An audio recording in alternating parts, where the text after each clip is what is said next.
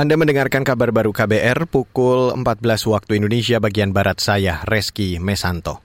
Saudara terdakwa kasus merintangi penyidikan atau obstruction of justice kematian Brigadir Yosua, Arif Rahman Arifin menyesal karena pimpinannya tidak bertanggung jawab.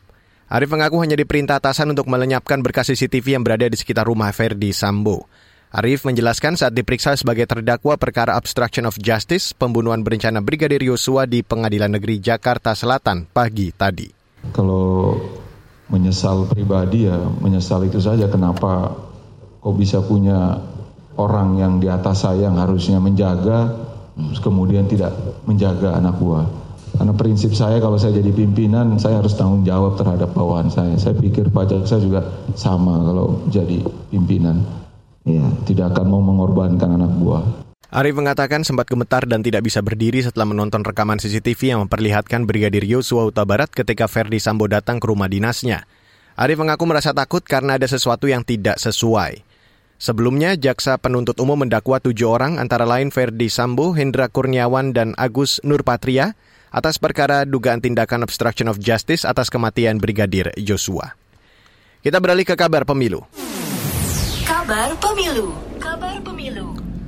Sejumlah partai politik baru terus bermunculan menjelang tahun politik 2024, seperti Partai Gelora dan Partai Umat.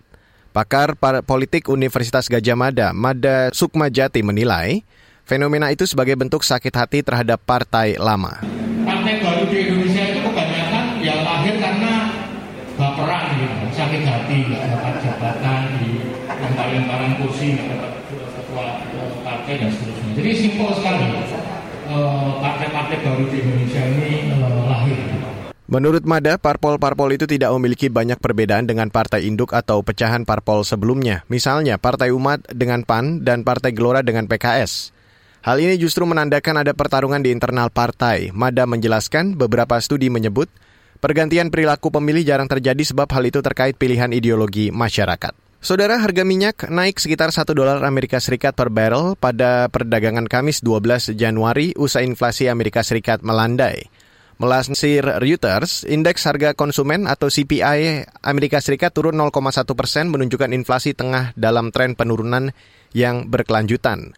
Tercatat harga minyak mentah Brent naik 1,36 dolar atau naik 1,7 persen ke 84,03 dolar per barrel.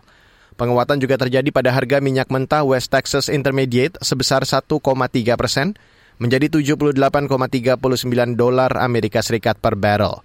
Selain itu, optimisme atas prospek permintaan Cina, importir minyak utama dunia juga turut mendongkrak harga. Optimisme muncul usai Cina membukakan kembali ekonominya setelah berakhirnya pembatasan COVID-19 yang ketat. Dan saudara, demikian kabar baru saya Reski Mesanto.